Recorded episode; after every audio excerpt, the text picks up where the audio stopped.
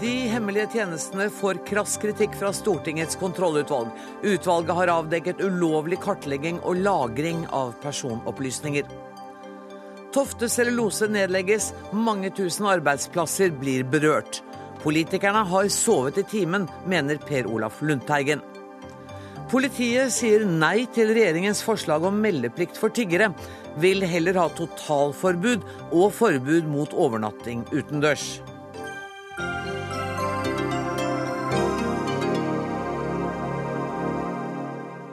Dette er noen av sakene i Dagsnytt 18, der vi også skal høre at Fremskrittspartiet mener at regjeringens tiltak for økt kollektivtrafikk er bortkastet symbolpolitikk. Men først. Ulovlig innhenting, kartlegging og lagring av personinformasjon og skjult videoovervåking av private områder. De hemmelige tjenester får nå skarp kritikk fra Stortingets kontrollutvalg for etterretning, overvåking og sikkerhetstjenesten. Elbjørg Løver, du leder EOS-utvalget. Hvor alvorlig er de sakene dere har avdekket? Ja, Den første er jo litt annerledes enn den andre. Eh, men det er klart det å samle inn informasjon om journalister eh, har et helt spesielt lys over seg. Og det fikk vi vite om via en klage fra de to journalistene som mente de var overvåket. Og vi foretok da en uanmeldt inspeksjon i eh, etterretningsbataljonen på Setermoen. Og gikk gjennom arkivene, og hvis de hadde vært registrert, så har vi funnet de på søk på navn. Mm. Det gjorde vi ikke, men vi fant en, en mappe på siden av alle registre hvor det bare var innhentet personalopplysninger. Altså en fysisk papirmappe? Nei, nei, nei. En datamappe? Ja, Sånn som du har på PC-en din. Ja, hvordan, hvordan fant dere den? Nei, vi er lure, skjønner du. vi har jo teknisk kunnskap, og vi har, eh, vi har, lært oss til å lete i registrene og i disse systemene som de hemmelige tjenestene bruker. Og så fant vi denne mappen. Er det bare de to dere fant i Forsvarets etterretningsbataljon? Ja, det, og det var de vi lette etter, for de var som sant gjort seg kjent gjennom at de hadde henvendt seg oss pga. en klage. Når du sier vi lette etter dem fordi vi visste om dem, betyr det at du har en angst for at det kan være flere der som dere ikke vet om? Det har jeg ingen anelse om.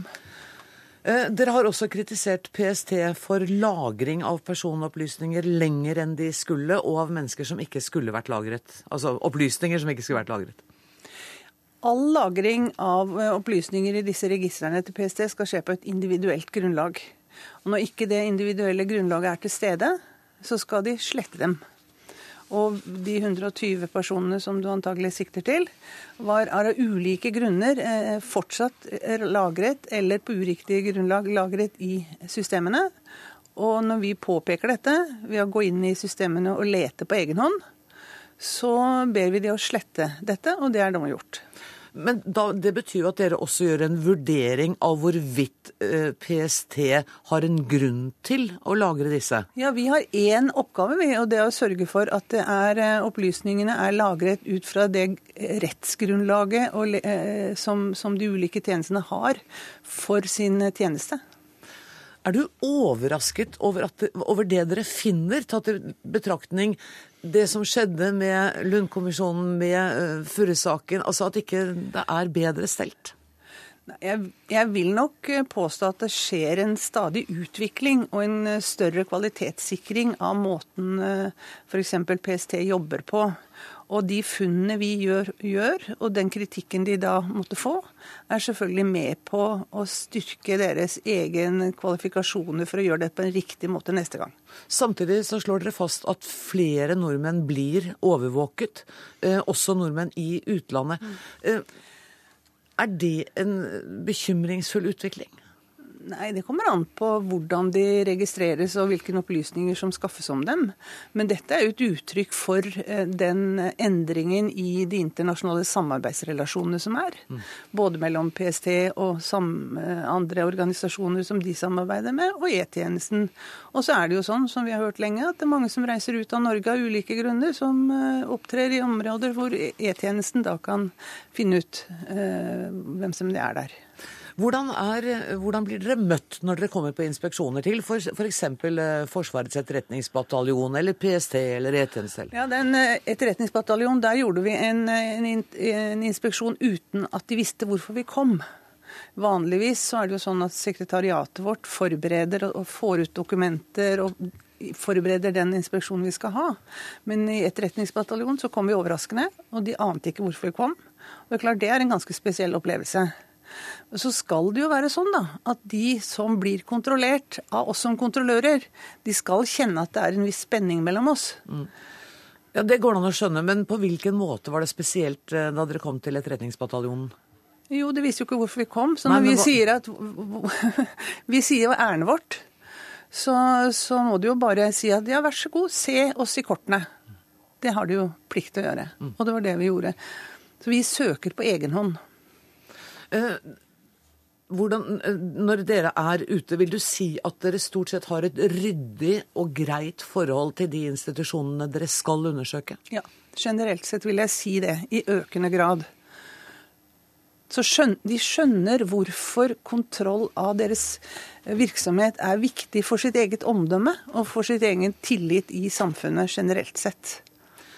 Harald Stanghelle, politisk redaktør. Hvor alvorlig er dette? Særlig hvis vi tar de to journalistene først. Ja, Hvis vi tar den saka, så eh, syns jeg det er helt eh, meningsløst. Og det forteller også noe om en eh, kultur, fordi at jeg blir jo nysgjerrig på hvorfor en i Etterretningsbataljonen oppretta ei slags privat mappe med opplysninger om to journalister som har skrevet om de hemmelige tjenestene. De har også gitt ut ei bok sammen om avdøde krigshelten Trond Bolle. Mm. Og så er det altså noen i Etterretningsbataljonen eh, som finner ut at eh, må, disse to må vi, må vi, på en eller annen måte følge med. Dette er jo ikke overvåking i klassisk forstand, med telefonavlytting, med å spane på de og sånn, sånn at vi har liksom begrepene litt, eh, litt klart for oss. Men, Men, det er en kartlegging, kan vi si det? Det er en kartlegging, ja. og det vi ikke vet, det er hva ville skjedd hvis EOS-utvalget ikke hadde fått en klage, hvis de ikke hadde oppdaga dette ville det da blitt samla flere opplysninger på de? Eh, ville de på en måte advart andre mot å ha kontakt med disse, disse to journalistene? Det gjør vi ikke, og det, det vet vi ikke.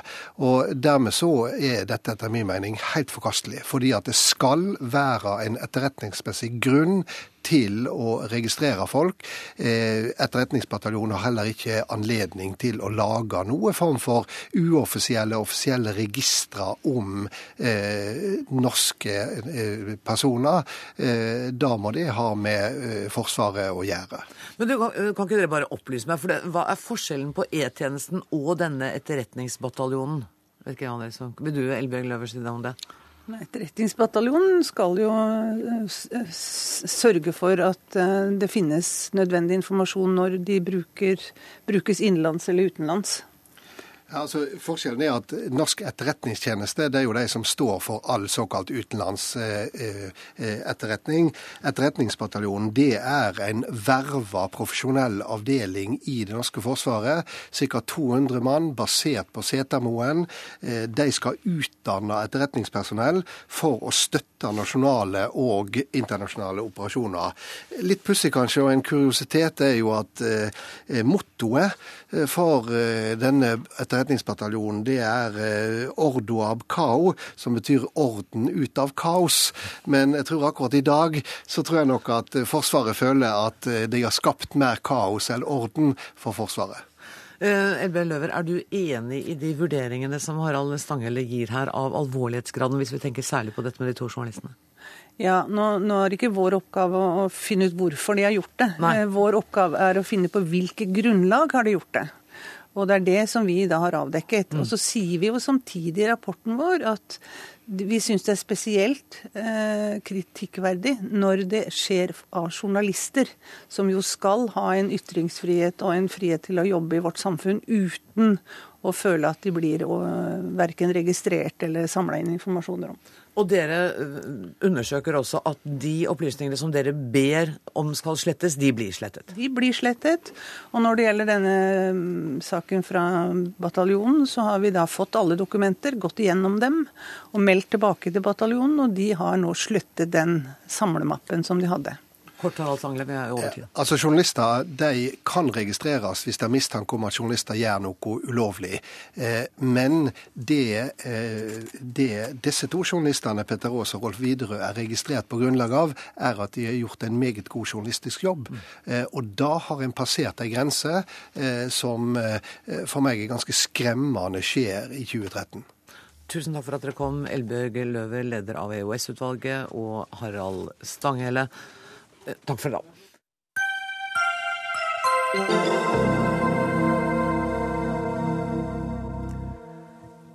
Flere tusen arbeidsplasser blir berørt når 300 ansatte ved cellulosefabrikken på Tofte mister jobbene sine. Den, den, svenske eieren Sødra har ikke klart å finne kjøpere som er villige til å overta driften. Næringsminister Trond Giske, i går kalte du fabrikkeierne, skogeierne og de tillitsvalgte inn til møte. Um, fortell hva som kom ut av det. Ja, det var egentlig et eh, møte som var planlagt lenge før vi visste at uh, Sødra skulle offentliggjøre dette samme dag. Uh, det møtet hadde som hensikt å høre fra bransjen sjøl hvordan vi fra regjeringens side kan legge bedre til rette for hele den næringsgrenen som går fra skogen og helt fram til ulike produkter, om det er cellulose eller byggvarer eller hva det er. Vi vet at dette er en framtidsnæring. Eh, det er ikke ubegrensa med skoger i verden, og dette er produkter som eh, har ufattelig mange anvendelsesområder. Eh, det brukes å sies at alt som kan lages av olje, kan lages også av skog. Mm. Og, og, det er et økende verdensmarked, særlig etter hvert som store land som India og Kina trår inn som mer velstående land. Men det er også en bransje som har opplevd en veldig effekt av den europeiske krisa. Eh, vi fikk nedleggelse av eh, Follum. Vi har fått varsel om eh, nedstenging av en maskin, eller i hvert fall stopp, på Norske Skog i Skogn. Mm. I Sverige har det vært fire nedleggelser i løpet av kort tid. Rett og slett fordi at konjunkturene har pekt så kraftig nedover i Europa. Det har vært lenger enn vi trodde. Så vi må prøve å hjelpe denne industrien gjennom den europeiske krisa. Ja, og Der er vi på stikkordet. for Vi har snakket med administrerende direktør i Sødra selv, Gunilla Saltin, som dessverre ikke kunne være med oss nå. og Hun sier at Sødra flere ganger har forsøkt å få dere til å forstå hvilke rammebetingelser denne næringa trenger. Eh, og det får hun ikke til å få inn i huet på dere? Jo da, vi la jo så sent som i revidert i fjor fram en egen tiltakspakke for treforedlingsindustrien, som både dreide seg om transportløsning av infrastruktur, men også om forskning og utvikling. Og vi ser jo der man virkelig får utvikla nye produkter, f.eks. Borregaard i eh, Østfold som produserer biokjemikalier, de eh, klarer seg godt. Eh, Norske Skog klarer seg også egentlig brukbart på drifta, men har en ganske stor gjeldsbyrde som de bærer med seg fra tidligere dårlige disposisjoner. Men så har vi én stor utfordring sammenlignet med svenskene, og det er at vi fortsatt må investere mer i vei. Mm. Eh, vi må tillate, forhåpentligvis da, i framtida, at veiene tåler det, lengre og tyngre eh, tømmertransporter. For der er det mye penger å hente hvis vi kan være like effektive som svenskene. Vi går litt eh, som katten rundt grøten her. for det jeg, det jeg trodde var tidlig at jeg spurte om, det var det åpenbart ikke er. Kan staten gå inn og gjøre noe for at arbeidsplassene skal bli opprettholdt ved Tofte? Ja, vi, altså Tofte er jo en særstilling akkurat nå. fordi at Nå sier Sjødra at de ikke har funnet en kjøper som eh, de mener har gitt et godt nok bud. Eh, det er det vanskelig for oss å gjøre noe med. Det har insistert på til Sødra, og også eh, overfor eh, kjøpere som er seriøse, er at man bør gå én runde til og regne på om det er mulig å komme hverandre i møte. Fordi at Hvis Sødra ikke vil selge, så vil jo anlegget fortsatt være Sødras eie, og da vil det stå der ubrukt. Eh, det er jo bare hvis man slipper en annen eier til, og da kan vi stille opp. Hvis en annen eier vil drive videre på teknologiutvikling, på eh, muligens eh, gode rammevilkår i kraftmarkedet, med forbedra infrastruktur, slik at tømmeret kommer lettere fram. Men det får vi ikke gjort hvis ikke Sødra vil selge til noen som kjøper. Det vi ikke kan gjøre, er å gå inn og eie eller drive en ulønnsom virksomhet. Da vil vi veldig fort bli tatt Eh, av EU-regelverket. Så det er virkelig ingen eh, fryd å jobbe med dette akkurat nå. For det er ikke per i dag en eh, kjøper som har bydd det som skal til for at Sødra vil selge. Men vi har ennå litt tid. Vi har en omstillingslov som gjør at Sødra er nødt til å gå noen ekstra runder. Så vi kan ikke gi opp før alle steiner er snudd. Per Olaf Lundteigen, stortingsrepresentant for Senterpartiet fra Buskerud. Hva tenkte du da du hørte om eh, krisa på Tofte? Nei, Da tenkte jeg at nå skjer det som eh, mange av oss har venta på i lang tid.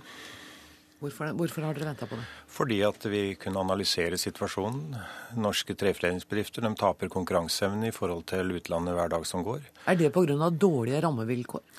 Ja, det er både pga. dårlige rammevilkår og at næringa har vært for dårlig til å presentere hva er som er nødvendig for at den skal få en lønnsom næring. Men hva skulle oppskriften ha vært?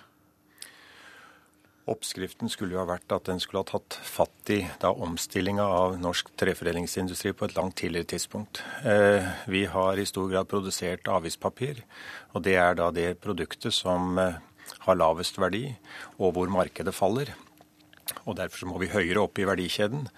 Borregaard er jo eksempelet. Borregaard er et biokjemikonsern. Mm. Bioraffineri. Og det er i den retningen den må gå, men det koster utrolig mange milliarder som investorer i Norge, inklusiv Skaueierforeningen, ikke har pga. svekka lønnsomhet over lang tid. Så det er egentlig ingen å laste her, det er bare at pengene ikke finnes? Nei, jeg vil si det at eh, det er mange som skal lastes. Det er eh, både næringa sjøl eh, og det er det politiske Norge.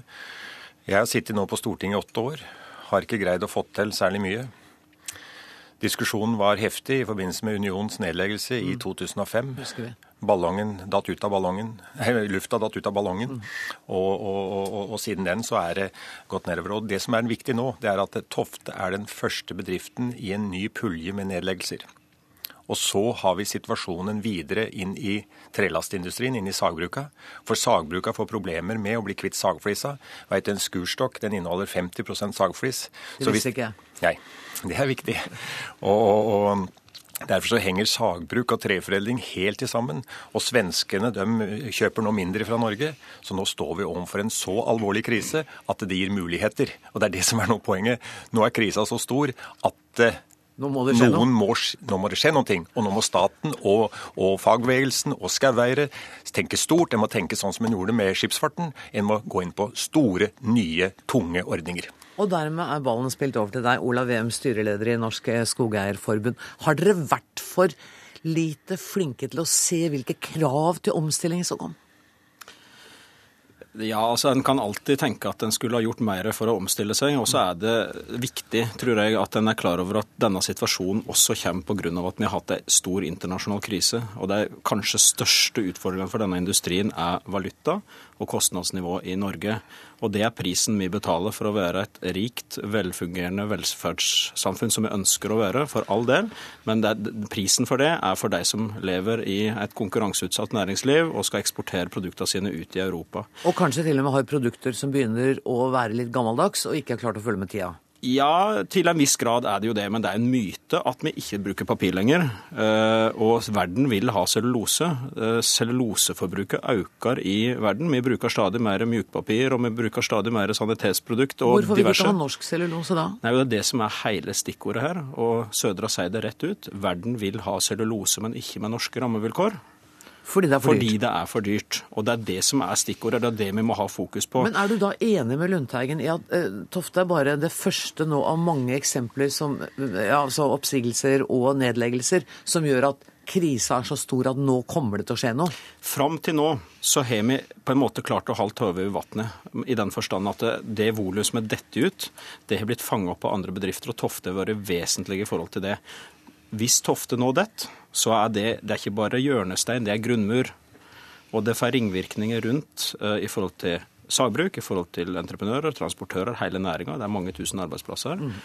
Og det er klart at uh, da er det rett og slett uoversiktlig i forhold til, da, da, snakker vi om hele næringas fundament, som er en næring med 30 000 ansatte og, og stor verdiskaping. Og ikke minst for Bygde-Norge, som får mye kapital av dette. Så jeg tror eh, det er viktig å si at Eh, vi har ikke vært flinke nok til å omstille oss. Mye av løsninga ligger i å evne å omstille seg. Men det å omstille seg For det første så trenger du å ha noe å omstille. Ja. Så hvis eh, det som skal omstilles, ikke er det lenger, så er ikke det så god strategi. Og for det andre så må du ha evne til å gjøre det. Og jeg, når vi hadde møte med næringsministeren i år, så pekte vi på at eh, det kan hende at vi må prøve å bygge ei bru fra det som eksisterer i dag, til det som skal bli nytt og framtidsretta. Og det er fullt mulig. Altså, dette er snakk om råstoff som er fornybart, det er miljøvennlig. Norske skoger binder halvparten av norsk CO2-utslipp hvert år. Så dette her er fantastiske muligheter. Men da er det bare å brette opp ermene, gutter. Det er yes. jo bare å begynne å jobbe. Du ba om en replikk, Lundteigen. Ja, og da snakker vi altså om milliarder av kroner som må inn i denne bransjen for ja, å bedre lønnsomheten. Og da, da må vi altså tenke sånn at eh, Norge uten skaubruk og treforedling treforedlingsindustri er ikke Norge. Og da må vi få et samarbeid mellom staten, fagbevegelsen, skogeierne og langsiktige private investorer. Og det må snarest nå etableres et eierkonsortium som er villig til å kjøpe Tofte for en pris som Sødra vil selge for. Et norsk eierkonsortium, tenker du? Det bør jo være et norsk eierkonsortium, fordi at vi må jo ha et hovedkvarter i Norge på treforedlingssida. Det, det har jo Sverige, det har jo alle, for å ha en motor i utviklinga av omstillinga. Trond Giske, vi hører at det er ikke bare eh, en eh, grunnstein, det var hele grunnmuren. Det var ikke bare en hjørnestein, men det var hele grunnmuren som faller. Dette er jo en utrolig alvorlig situasjon for hele denne næringa. Ja, det er en veldig viktig bedrift fordi at den tar så mye av uh, tømmeret fra eh, Østlandet. Men jeg tenker på uh, hele det fremtidsperspektivet. Fram til i dag så har Sødra faktisk importert tømmer også til Tofte. Men i år var det første året de var i balanse og tok norsk tømmer utelukkende. Men det at de faller bort, det påvirker hele tømmermarkedet. Nå vil det være mulig å selge både tømmer og flis eh, fortsatt til et marked, men det blir dyrere, for du må transportere det lengre. Så marginene blir dårligere. og Hvordan det påvirker en bransje som allerede er pressa, det er uforutsigbart. Men hva tenker du om et konsortium som Lundteigen foreslår, med eh, samarbeid mellom staten, eh, skogeierne, fagforening, private investorer? Altså Det som er situasjonen her på Tofte, er jo at det finnes seriøse kjøpere som har lagt inn bud ut ifra hva de har regna ut kan bli lønnsomt. Også på Tofte må det gjøres ganske store investeringer årene framover hvis det skal være liv laga. Er det norske det vi, bud? Det er også norske bud. Men det vi ikke kan gjøre, det er også å kjøpe til en pris som er ulønnsom. for Da vil vi bli tatt av eh, internasjonalt regelverk og EU-regelverket eh, e på konkurranse med en gang. fordi at Tofte konkurrerer jo f.eks. med Sødra sine fabrikker i Sverige. sånn at hvis Sødra trodde at vi her gikk inn og drev med subsidier, ville vi tatt med en gang. Det må gå lønnsomt. Det er bare en måte å gjøre det på. Vi må ta alle kostnadselementer som er i disfavør. Det handler om eiersida i skogen, mer effektiv uttak. Det handler om transport, det handler om energikontrakter, det handler om varmegjenvinning. Og det handler ikke minst om teknologiutvikling og innovasjon og nye produkter, som Lundteigen sier. Gå inn i de markedene som er voksne, og hvor du får gode priser. Det kan vi bistå med. Der kan vi stille opp med, med penger og støtte. Men det er bare gjennom det vi kan skape lønnsomhet. Den situasjonen som er nå, er ikke heldig i det hele tatt. Vi må komme oss videre. Okay. Det er håp for norsk skogbruk, men da må vi være framtidsrettede. Jeg tenkte å la Lundteigen få siste ord hvis det er kort. Hvis Sødra skal drives videre, så må Sødra få en pris som gjør at hun vil selge det som et going-konsern. Og da må prisen opp fordi at det vil føre til at kapasitetsutnyttelsen i Sødras bedrifter blir lavere. Så prisen må opp. Dermed så blir lønnsomheten enda svakere enn det som er gitt av bud hittil. Og dermed så må vi få til det samarbeidet som jeg sa. Tusen takk for at dere kom, Trond Giske, næringsminister, Olav Wem, styreleder i Norges Skogeierforbund, og Per Olaf Lundteigen, stortingsrepresentant for Senterpartiet. Hør Dagsnytt 18 når du vil, på nettradio eller som podkast. nrk.no – dagsnytt 18.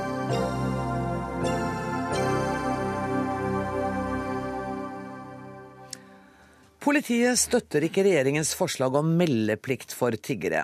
I en høringsuttalelse går etaten inn for totalforbud mot tigging og mot permanente utendørs bosteder. Kristin Kvigne, du er avdelingsdirektør i Politidirektoratet. Eh, og jeg har invitert deg hit bare for at du skal redegjøre for politiets syn. Jeg har ikke tenkt at du skal delta i den politiske debatten. Eh, men hva er grunnen til at eh, dere i Politidirektoratet ønsker et totalforbud?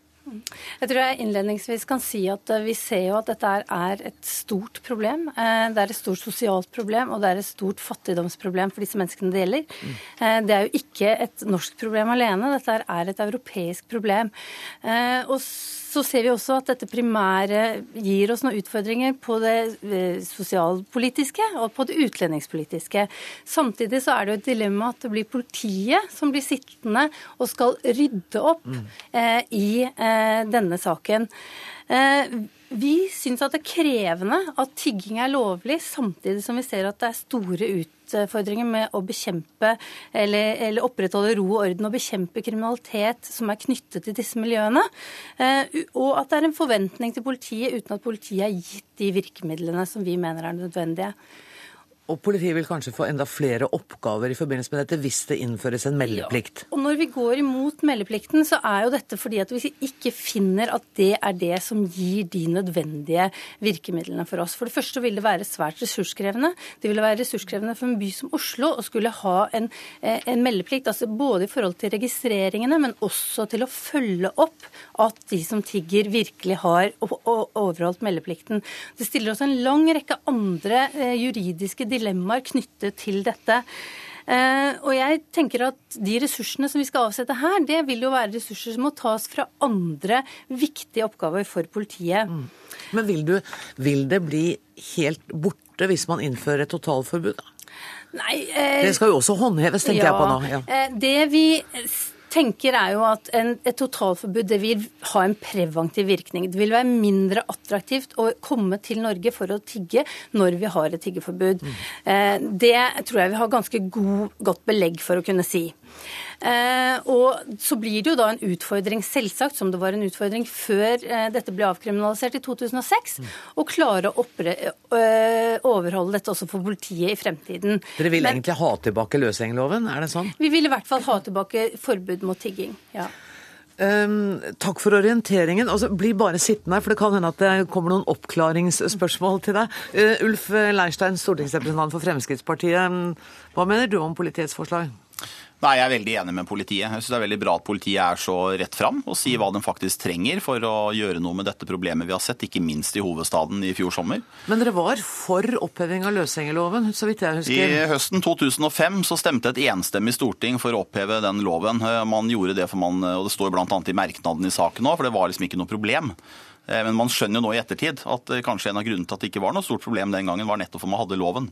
Så det er lov å gjøre feil, også i politikk. Jeg er i hvert fall veldig klar på at vi må få innført et forbud igjen. Eh, og Fremskrittspartiet kommer til å fremme forslag om det.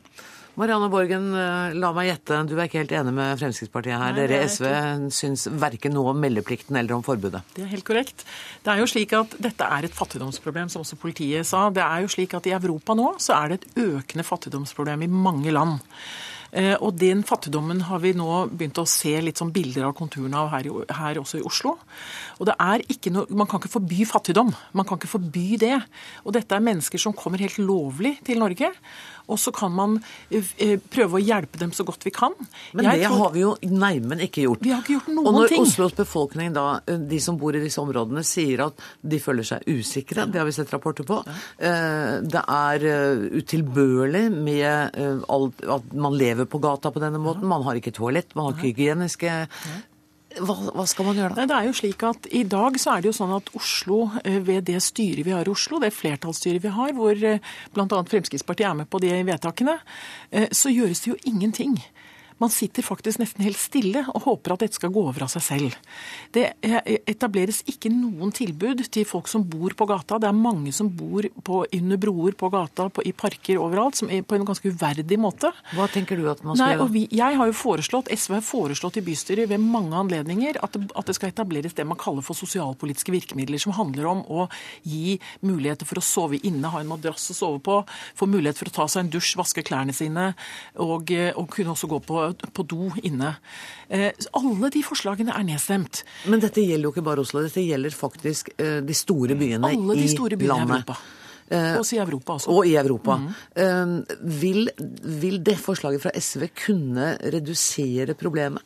Nei, tvert imot. Det vil heller være å tilrettelegge for at enda flere kan komme. Eh, og Det blir jo et sånn helt bakvendt opplegg. Store problemet her er at eh, det også en del, skjer en del kriminalitet i kjølvannet av den organiserte tiggingen. Eh, og Det er jo det politiet også har påpekt. Jeg konstaterer nå at Oslo har faktisk blitt altså nå på europatoppen i lommetyveri. Eh, vi går forbi altså en haug med andre europeiske byer. Eh, jeg sier ikke at alle som kommer hit og tigger, driver og er lommetyver, men det er klart at her er det noe som skjer i kjølvannet av en organisert tigging. Dette er organisert. Eh, og Man kommer til Norge for det er lovlig, og politiet har ikke de virkemidlene man trenger. og Det vi i hvert fall ikke skal gjøre, er å begynne å tilrettelegge for at vi skal kunne få, altså, få en haug med tiggere til, til, Oslo eller andre byer, og at de skal få masse fasiliteter. Det enkleste her er å si et forbud mot tigging. Eh, og folk som kommer til Norge og ikke kan livnære seg, har altså ikke noe sånn sett her å gjøre. Det... Men de kommer jo hit lovlig. Er det av hensyn til oss at det vil være ganske deilig å slippe å se disse fattige menneskene? Nei, jeg er opptatt av å forby tigging eh, først og fremst fordi at skal, jeg vil kvitte meg med en del av den kriminaliteten som kommer i kjølvannet av den organiserte tiggingen. Eh, og Poenget er at vi har prøvd dette før. Vi har hatt et forbud før, og det fungerte. Eh, så Vi har altså prøvd det. og Nå har vi altså ikke et forbud, og vi ser åssen det har blitt. og Jeg tror veldig mange Oslo-borgere, borgere i Bergen og andre byer, og det begynner å bli mange småbyer også som opplever dette nå, er enig med meg at vi må få gjort noe med dette problemet. og Da løser vi ikke dette med å tilrettelegge ned for, for husvær med madrasser og toaletter. Men du kan ikke bare få spørre deg, for du sier at det forbudet vi hadde altså fram til sommeren 2006 ja. når det gjaldt uh, tigging, det fungerte. Da lurer jeg på, hva var grunnen til at et enstemmig storting syntes det var kjempelurt å oppheve det, hvis det fungerte så veldig bra? Nei, jeg var inne på det litt i stad. Det står i, i, når Stortinget debatterte det, det står svart på hvitt at man sa at det var jo ikke noe stort problem. Eh, og så tenkte man at da trenger man jo ikke ha et forbud eh, ved sida av osv. Eh, men poenget er jo nettopp at i ettertid så ser vi jo nå at det er nettopp et forbud som kan, kan motvirke de tendensene vi ser. Så jeg er veldig klar på at vi må få et forbud på plass, så politiet får de virkemidlene de ber om. Politiet har i dag virkemidler når det gjelder kriminalitet, menneskehandel og den type eh, saker. Og jeg tror vi skal forberede oss på en vår og en sommer i Oslo som kommer til å bli mye mer utfordrende enn det vi hadde i mm. fjor. Fattigdomsproblemet i Europa har økt betydelig siden eh, i fjor. Og det å sitte stille og ikke møte det, eh, det økende problemet Og jeg har forståelse for at folk i Oslo syns det er ubehagelig. At de også føler det utrygt når det, når det bor folk i parker, og når byen faktisk skites ned. Jeg forstår det. sånn at Derfor så blir svaret ikke de, bare de rene politimessige og, og, og justispolitiske virkemidlene. Svaret her må jo være å møte dette humanitære problemet, for det er faktisk et stort humanitært problem. Ingen sover under broer hvis de har har en, annet, en mulighet. Ingen må skite i buskene på Grønland hvis de har en annen mulighet. Og jeg ønsker at Oslo kommune sammen med de frivillige organisasjonene skal gå inn og gjøre det som faktisk EU anbefaler at alle byer gjør, nemlig å etablere et mottakssystem som kan gi folk råd og veiledning, og samtidig dekke de helt elementære humanitære behovene. Denne Men Borgen, kan ikke bare få spørre, ja. for Ser ikke du at Leirstein har et poeng? At hvis ingen andre byer følger den oppfordringen, og det er bare Oslo, så blir dette stedet som flere vil reise til? Så lenge Oslo er en av Europas rikeste byer, og så lenge det er mulig å tjene penger i Oslo, for dette er jo folk som kommer hit for å prøve å få seg en jobb eller for å tjene penger. Det er en sammensatt gruppe vi snakker om her, i håp om å kunne forsørge seg selv og kanskje sine barn. Mm. Dette er folk i en fortvilet livssituasjon. Og det må vi liksom ta her. Vi snakker altså om ordentlige mennesker mm. med helt normale behov, sånn som vi andre har. Jo, men ikke sant? Mm. Lærstein og jeg ville ikke sovet under en bro i Oslo hvis vi hadde hatt en annen mulighet. Hadde, jeg mener at vi skal tenke humanitært på dette. Så så løser vi ikke problemet i Oslo. Dette kan ikke løses i Oslo alene. Dette er et stort internasjonalt fattigdomsproblem som må løses i samarbeid eh, internasjonalt også, ikke minst i forhold til Europa. Men, men, mens vi holder på å jobbe med det også, så må vi dekke de rent humanitære behovene. Jeg er nødt til å sette, jeg har bare lyst til å spørre uh, politisjefen. Er dere forberedt på, er det, er det en riktig vurdering det Marianne Børgen sier, at vi må være forberedt på en enda større tilstrømning til, i hvert fall til hovedstaden nå uh, våren og sommeren? Jeg syns det høres ut som en eh, ganske adekvat eh, vurdering av situasjonen. Ja. Og har dere mannskap og midler til å møte den strømmen? Ja, som jeg sa, så er det jo En av grunnene til at vi ønsker et forbud, er jo at vi mener at det vil hindre at det kommer så mange.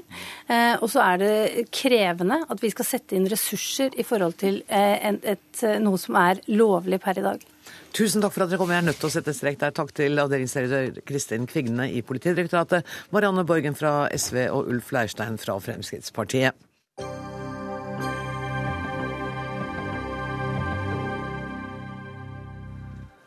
I dag erklærte den fengslede kurderlederen Abdullah Öcalan våpenhvile i kampen som kurdiske opprørere har ført mot Tyrkia siden 1984. Det kan bety slutten på en nærmere 30 år lang konflikt som har kostet 45 000 mennesker livet. Shivan Maksut Khan, velkommen hit. Du er kurder bosatt i Norge og en av to ledere i organisasjonen Ung Kurd. Hva er det Øcalan håper å oppnå for kurderne med å si at han vil ha denne våpenhvilen? Altså med opplesningen av eh, det Øcalan hadde skrevet i dag under en eh, sånn storspekket nevrosfeiring hvor flere millioner kurdere, ikke bare fra Diyarbakir, eh, provinsen der Nevros-feiringen ble arrangert Nevros-feiringen er altså nyttårsfeiringen? Ja, nyttårsfeiringen. Ja. Mm. Kom dit og hørte på eh, Abdullah, det Abdullah Öcalan hadde skrevet. Og med denne talen så ble det startet en ny prosess i motstandskampen som har vært i Tyrkia, som har vart fra 1978. Og denne prosessen den skal markere en, en, en, endring fra en væpnet kamp til en mer eh, demokratisk eh, kamp for frihet til kurderne. Altså at våpnene skal bli lagt i siden, og at det er ideer og tanker og tillit som skal komme på fronten. Men ønsket om en egen kurdisk stat, er det fortsatt eh, det viktigste for dere? Altså, eh, kurderne eh, ønsker ikke en eh, separat stat. Kurdere kjemper for en demokratisk Tyrkia. De kjemper for en demokratisk Tyrkia der kurdere, på lik nivå som alle andre nasjoner i Tyrkia, har de samme rettigheter.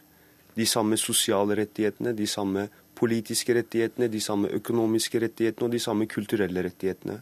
Så dette handler ikke om å dele Tyrkia og danne en separat kurdisk stat. Det handler om å bygge en mer demokratisk Tyrkia.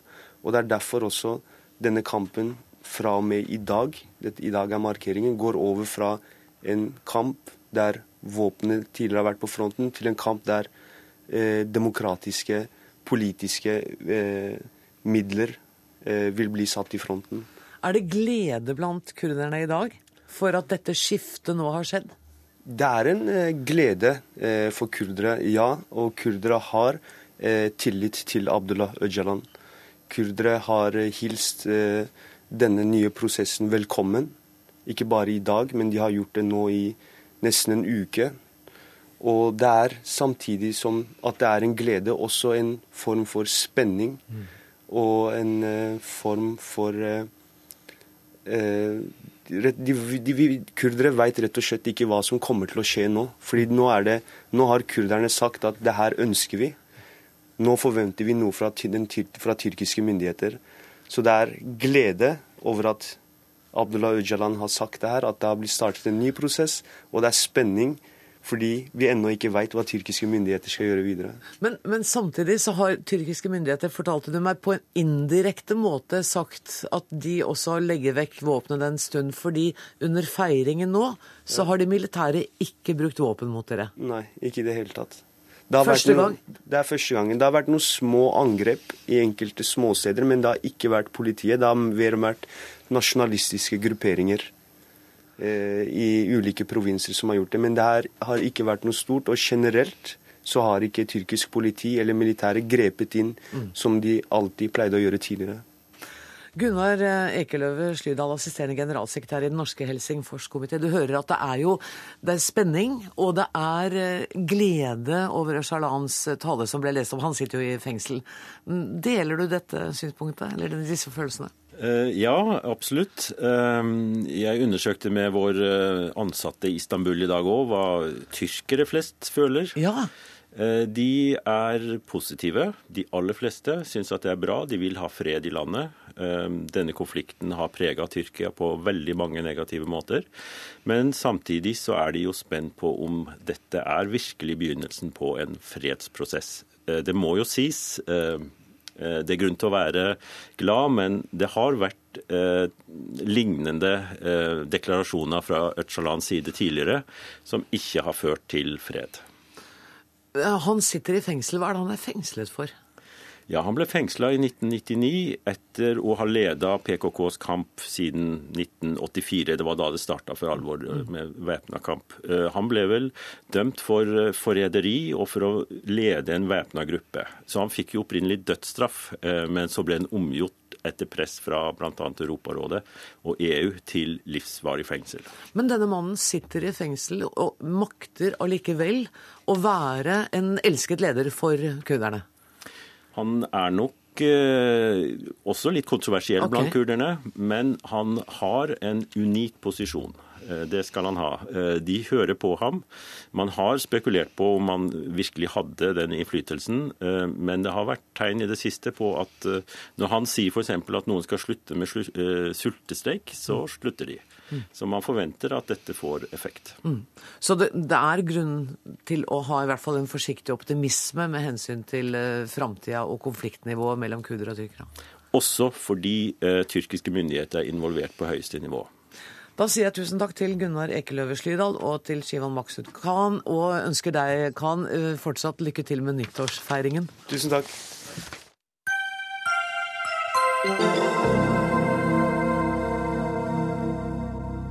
Og hjem igjen til mer eh, norske politiske forhold. Hverdagen blir vanskeligere for folk flest, og det er bilistene som straffes. Fremskrittspartiet er kraftig irritert over regjeringens forslag til tiltak for å øke kollektivtrafikken i byene. Miljøvernminister Bård Vegar Solhjell, jeg må begynne med statsråden først. For eh, først må vi ha en kort orientering om hva det er dere legger til rette for. Ja, Målet er faktisk å gjøre det enklere. Få ned køene, forbedre kollektivtrafikken, mindre luftforurensning. Det skal vi gjøre på følgende måte. Vi inviterer alle storbyer i Norge til å inngå en bymiljøavtale med staten. Der øker vi kraftig den økonomiske støtten. Så vil vi blande oss mindre opp i hvilke virkemiddel, men vi vil være litt tøffere på at jeg må nå et viktig mål. Nemlig at veksten i trafikk som kommer til å komme, skal tas ved kollektivtrafikk, sykkel og gange. Vi må klare å nå det målet, fordi ellers kommer køene til å vokse, luftforurensninga til å øke, klimagassutslippene til å gå opp. Da må vi samarbeide om det, stille tøffe krav til målene, men la dem få velge løsninger mer lokalt. Og jo nærmere de kommer de målene dere har satt, jo mer penger kan kommunen få. Hvor mye var det? 2,6 milliarder, nei. Hvor mye var Ja, det? 26, 26. milliarder i en tiårsperiode. Er bare ganga med ti, eller Ja, delte på på ja, ti. sant, det blir store summer, det her. Eh, så blir det litt mindre når du skal dele på mange. Men det er riktig som du sier, at vi er jo opptatt av å på en måte premiere de som virkelig får det til. Ja. Og, og det tror vi mange av de som er både bilister og de som bruker kollektivtrafikk i byene, vil sette pris på. Fordi det vil gi bedre framkommelighet i byene for de som bruker bil, få ned køene. Og mindre luftforurensning lokalt, som, som virkelig er et kjempeproblem i flere av storbyene våre. Bård Hoksrud, da skjønner jeg ikke hvorfor dere er så sinna. For er det noe dere liker, så er det at folk blir belønna når de har gjort en ekstra innsats. Ja, det høres jo veldig flott og fint ut, det som Bård Vegar Solhjell sier nå. Jeg syns det er positivt at regjeringa nå sier at de skal bruke 26 milliarder kroner på kollektiv. Ok, da er vi Men, enige, nei, vi gå- nei. så er det nok noe sånn at for det, Dette er jo styrt lekkasjer om at dette ser veldig bra ut. Og så vil de da ikke ordentlig fortelle hva dette handler om, de negative konsekvensene. For det handler om rushtidsavgift, det handler om å gjøre få færre parkeringsplasser i byene. Eh, og Oslo som er den byen i landet som har den beste kollektivandelen i rushtid, den får altså null kroner i belønningsordning fra staten. Så den som er flinkest i klassen, det er den som blir straffa av den rød-grønne regjeringa. Så derfor er jeg bekymra for det når Bård Vegar Solhjell Kan vi ikke bare forklare hvor, Ja. for det, Hvordan kan det skje at den flinkeste i klassen får ikke får noen ting? Det er jo faktisk det vi skal prøve å rette opp. For det er et problem at vi i for liten grad har premiert resultater i dag. Vi har for mye gitt penger til de som gjør akkurat ting på en bestemt måte, og for lite sett hva er summen av resultater i form av reduserte utslipp og Så Oslo kommer til å få. Jeg er ganske sikker på at byer som Oslo, Trondheim, Tromsø, som alle er eksempler på gode resultater, kommer til å komme godt ut av den. Men så kan det jo hende at Bergen og Stavanger og Skien og hva vet jeg skjerper seg og kommer, går forbi. Da vil jo alle kunne være ganske fornøyd med det. Og så tror jeg, sant, jeg tror det Bård Hoksrud misliker, det at sant, hvis du skal redusere bil, an, bilene på en vei, antallet biler, vel, sant, så må du faktisk gjøre noe for å få det til. Så du må bygge ut kollektivtrafikken, men du må òg bruke noen andre virkemidler. Og det er ikke han, det er ikke han villig til å gjøre. Det er Jeg ga deg ordet for en oppklaringsstatsråd, altså, for jeg avbrøt egentlig Hoksrud, og du skal få lov å fortsette resonnementet ditt. Tusen hjertelig. fordi eh, det høres jo tilforlatelig veldig bra ut. Men det er klart at utfordringa er at man ikke egentlig tar det ordentlige kollektivløftet som man burde gjøre. For vi må ha mer enn de 2,6 milliardene hvis vi skal løse utfordringene. Altså 2,6 milliarder, 26 milliarder på ti år, men 2,6 milliarder på ett år. Eh, For det høres jo veldig bra ut med 26, men to, det er 2,6 vi prater om per år. Men, men det som er viktig å ha med seg, at det som er forskjellen på den rød-grønne regjeringa og Fremskrittspartiet i dette her, er at de skal ta og la det gå utover bilistene. Men i dag så er det bilistene som kjører gjennom bomringen i Oslo. De finansierer halvparten av kollektivsatsinga i Oslo. Og det betyr at hvis Bård Vegar Solhjell får som han vil, at færre kjører bil, ja, da er det færre til å betale det kollektivtilbudet. Og da sier vi at la oss heller komme med de gode tiltakene. I 2013 så foreslo vi 900 millioner utover eh, regjeringa til belønningsordning for å få flere til å gå på kollektiv. Og så sier vi så tar vi bort skatten der hvor arbeidsgiver betaler månedskortet, kollektivkortet for den ansatte. Arbeidsgiver får et skattefradrag hvis han betaler mitt månedskort. Nei, ikke skatt. Arbeidsgiver får ikke, men du slipper å betale skatt av, Av du, fordelen av å få fordelen av å få gratis. gratis, kjø- eh, gratis kollektivkort. Og da sier Finansdepartementet at det betyr at 175 000 mennesker flere vil velge å kjøre kollektivt i Norge hver dag. Og det betyr også at kollektivselskapene kommer til å få inn 2,1 milliarder kroner mer i året, som de kan bygge ut kollektivtilbudet. Det er en mye bedre ordning å få folk til å flytte over til kollektiv, fordi de får en gulrot. Ikke som Bård Vegar Solhjell og den rød-grønne regjeringa alltid kommer med pisken og sier at Men hva vil det koste, da? Ja, Det, det koster 1,8 milliarder kroner i redusert skatteinntekt til staten. Men det er jo mindre enn det som da vi kollektivselskapene kommer til gode med 2,1 milliarder, som er en kjempebra greie. og Det betyr at vi kommer til å løfte kollektiv, i tillegg til at vi da får sånn 900 millioner ekstra. Jeg blir litt fascinert av det gratis månedskortet. Hvem har ikke lyst på noe gratis? Ingen jeg kjenner seg nei til det. Men det er jo litt sånn Fremskrittspartiet Uansett hva spørsmålet er, så er skattelette svaret. Men hvis vi spør våre fremste forskere hva som virker, så er det kombinasjonen av to ting. Vi må bygge ut kollektivtrafikk mye mer, bruke mye mer penger. Derfor gjør vi det. Men jeg, må være ærlig og si at hvis ikke byene sjøl tar et hovedansvar, så er ikke det mulig å nå det målet. Det vil jeg tro til og med Bård Hoksrud er enig i. Men vi kan ikke bare gjøre det. Vi må faktisk òg våge å gjøre tiltak for redusert bilbruk. For det er litt sånn, Vil du ha mindre utslipp på kø, vel, så må det bli færre biler. Og så blir færre biler, så må du ha færre bilister. Og da må man ha den kombinasjonen. Gjøre det, eh, ja, rett og slett bruke tiltak som, som byene sjøl kan velge mellom for å ta ned bilbruken, samtidig som de får tilbudt mer midler, at de faktisk kan bygge ut Ja, tilbudet kollektiv. Men, men noen av de tiltakene vil da være færre parkeringsplasser i sentrum, f.eks.? Det er blant tiltakene som de kan vurdere, men jeg tror det er veldig viktig at de som styrer storbyene, får lov til å velge sjøl. Det kan være ganske ulike løsninger i Oslo, Stavanger og Tromsø. For å ta et eksempel, Noen vil bygge bybane, andre vil bygge buss ut. Noen vil ta seg på parkeringsrestriksjoner, andre vil bruke bompenger, og en tredje by vil gjøre det på en annen måte. Det eneste kravet vi stiller er skal du ha betydelige summer fra oss, så må du være med på, på den dugnaden for å faktisk redusere bilbruken og øke bedre kollektivtrafikk. Og skal vi dømme fra Twitter, i hvert fall de jeg føler, så er sykkelstier et must snart. Sykkel er eh, ekstremt viktig i det her. Vi har et altfor dårlig sykkelland. Og det er et av de beste klimatiltakene. Det er utrolig bra for folkehelsa. Jeg kan ikke få sagt hvor bra det er å Hørte dere satse det, mer på alle kommuner? Dere får masse penger hvis dere satser på Det, det gjør dere ikke. Det er, ikke, det er ikke veldig mye penger som er satt av til gang- og sykkelstier. Det er ikke mange kilometerne som er bygd med åtte år med rød-grønn regjering. Men, men, men poenget er, og jeg, jeg syns at det er veldig bra at vi nå skal satse på kollektiv i storbyene. Men dette her miljøspøkelset som Bård Vegar Solhjell nå drar foran seg Man ser det altså i Stavanger, Oslo og andre steder, så er det veldig mange som går over og kjøper elbil. Da har man mange måter løst den utfordringa i forhold til det argumentet mot, mot bilene og utslipp og klimagassutslipp. Så det er noe med at det, og det skjer en teknologisk revolusjon nå på bilsida som gjør at utslippene går ned. Og da tenker jeg da må vi prøve å få flytte folk over fordi det er en motivasjon for å gjøre det. Og det er nettopp det som er altså at du slipper å betale skatt for at du får bedekt månedskort på, på kollektiv av arbeidsgiver. Så du mener at klimaargumentet vil ikke være holdbart i så lang tid? Ikke over lang, ikke over lang tid, fordi vi ser at folk velger andre mer miljøvennlige biler, og, det, og utslippene kommer til å gå ned eh, om noen år. Altså, De er allerede på vei ned, men de kommer til å gå enda mer ned framover. Og elbiler lager jo like mye kø som andre biler, hvis det først er nok av dem. Ja, nå lærte jeg et nytt ord, miljøspøkelse her. Men det, det, det tryggeste Ikke ta det personlig. Nei, jeg, jeg gjør, det- det gjorde jeg på ingen måte. Men det tryggeste man kan si om utslipp, det er at de går ikke ned av seg sjøl.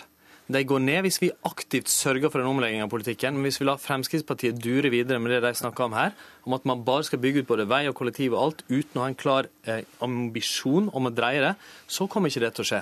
Jo, men... Derfor må det være et villa valg som består av mange ting. Overgang til kollektiv. Du sa elbil, det syns jeg er veldig fornuftig. Vi har, vi, I Norge er jo ledende på elbil internasjonalt.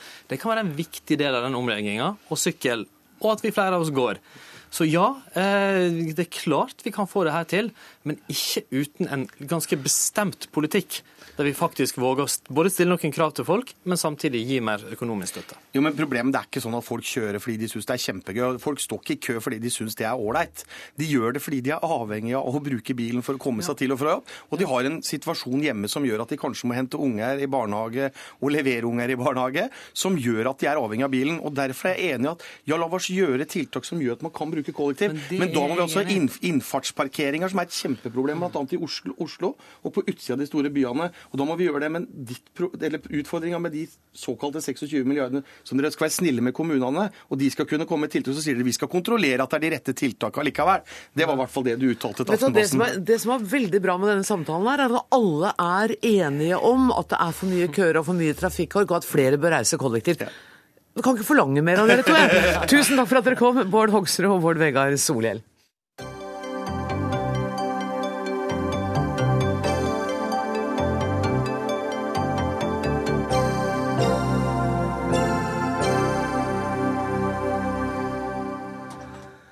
Finansministeren på Kypros er på tiggerferd til Moskva etter at regjeringen på Kypros avslo den omstridte krisepakken fra EU. Har de fått frist på seg til tirsdag fra EUs sentralbank med å komme opp med en alternativ plan. Og europakorrespondent Hege Moe Eriksen, hvorfor har Kypros nå vendt seg mot Russland? Ja, De har jo vendt seg mot Russland fordi EU eh, e på en måte har eh, kuttet hånd av dem. Eller de har rett og slett eh, kuttet hånden av seg selv, for å si det sånn. De ville jo ikke godta denne bankskatten som EU satte som krav for å få ny kriselån. Og Dermed så har de vendt seg mot Russland. og har jo kommet fram i dag at de sannsynligvis ikke vil få nye lån fra Russland. Du høres ut som du har løpt og trenger å få igjen eh, pusten. Ehm, hvilke betingelser stiller Russland til eh, Kypros nå?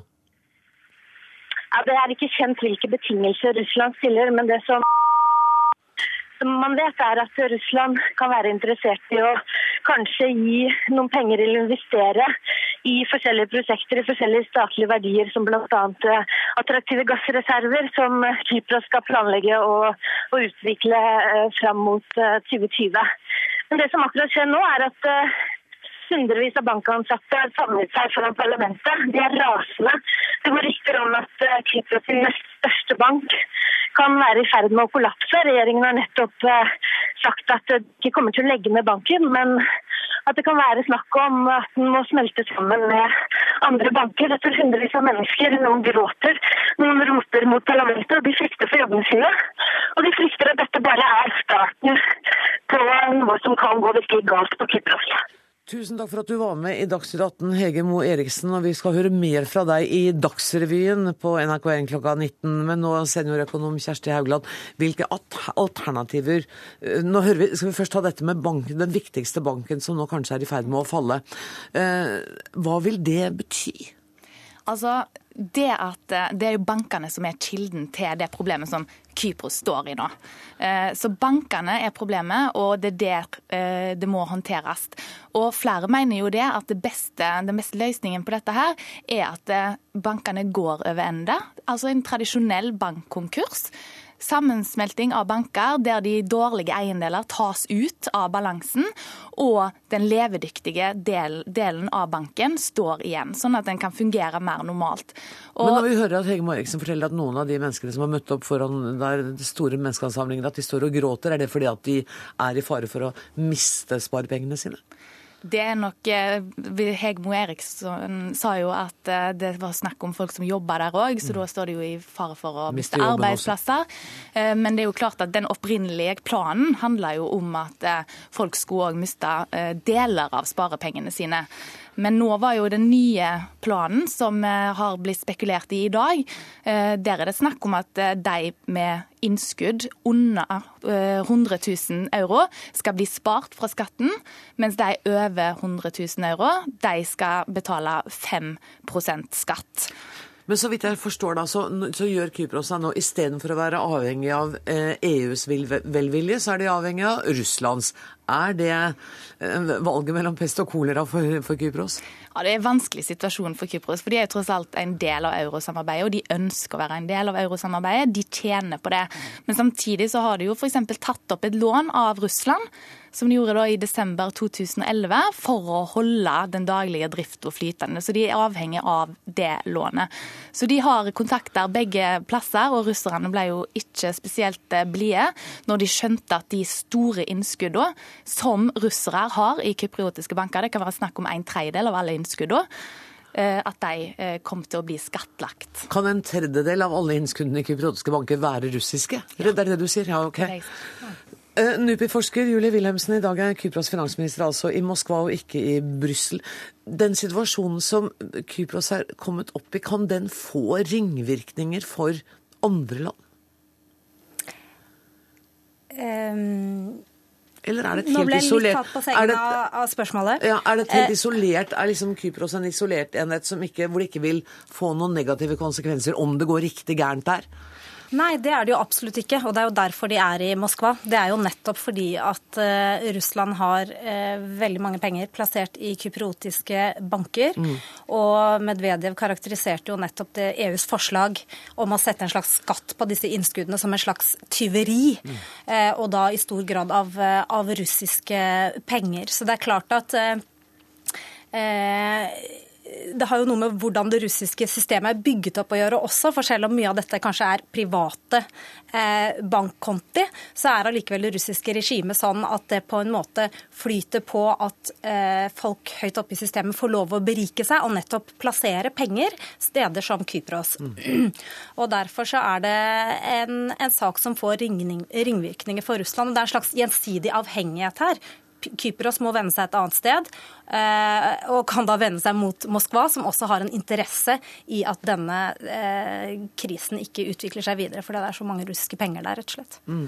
Men, men det at Kypros venner seg til Russland, tar avstand fra EU, vil ikke gå inn på den kriseløsningen, og så kommer de til Russland, betyr det at da Russland får innflytelse over hvordan dette skal gjøres?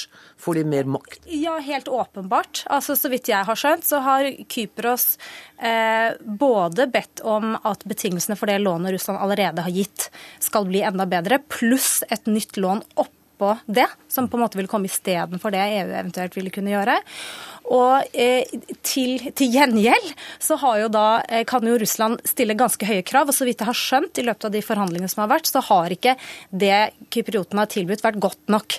Eh, og det har dreid seg om alt fra å få innpass i utvinning av gassfelt til eh, eierskap av, i kypriotiske banker, og til denne snakken rundt til og med militærbaser. Ja, for det gikk det også noen rykter om, men det er, de er, helt, det er ikke bekreftet enda, er det det? Nei. Jeg tror, Så vidt jeg har skjønt, så er dette på en måte rykter som har, har sluppet ut. Det er ingenting som er, er bekreftet. Det eneste man vet, er at det er ikke noen deal på plass, men at eh, kypriotene på en måte har sagt vi blir i Moskva til vi har fått noe på plass. Ja, Det var mitt neste spørsmål. Hvor, hvor lenge kan det hende at kypriotene må være i Moskva? For dette her høres ikke ut som det er fort gjort. Nei, eh, så de har i hvert fall vært der i går uten resultat, og i dag. Og jeg har forstått sånn at de blir der. Eh, men at en EU-representant faktisk kommer til Moskva for å være med. Kjersti Haugland, det kan jo gå riktig galt for Kypros hvis man ikke kommer til en enighet i Moskva nå, da? Det kan det absolutt. Så bare det i seg sjøl, det setter jo så stor press på partene, altså de politiske partiene i Kypros, at på Kypros, de vet jo det, at de har bare til, fram til, til og med mandag nå. Og hvis ikke de har kommet til en løsning da, så kutter Den europeiske sentralbanken nødlånstilførselen til kypriotiske banker. Og det betyr? Og det betyr at kypriotiske banker kommer til å gå unna. Eh, altså ikke alle, men de som har de største problemene. Og Da trenger de oppkapitalisering, eller så eh, vil de da slutte å fungere. Og det betyr at oppkapitaliseringen vil de være avhengig av Russland for å få, fordi at da vil EU ikke være et aktuelt eh, alternativ for dem lenger. Ja, Eller en kan gå inn i en tradisjonell eh, restrukturering av denne bankgjelda. Og da må òg innskyterne ta store tap, men ikke de som har innskudd under 100 000, for de vil da være omfattet av denne innskuddsgarantiordningen. Men de som har innskudd over denne grensa her, vil gå på tap i denne løsningen òg. Og det er nettopp det som er eh, tilfellet her. Det er vanskelig å se for seg en situasjon der eh, disse russiske innskyterne eh, skal bli på en måte redda fra å tape penger. Det ser altså fortsatt mørkt ut. Tusen takk til Julie Wilhelmsen og til Kjersti Haugland. Denne Dagsnytt 18-utgaven er nå over. Ansvarlig for sendinga i dag var Dag Dørum. Det tekniske ansvaret har Lisbeth Sellreite. Jeg heter Anne Grosvold, og vi høres igjen på samme kanal klokka 18 i morgen. Takk for nå.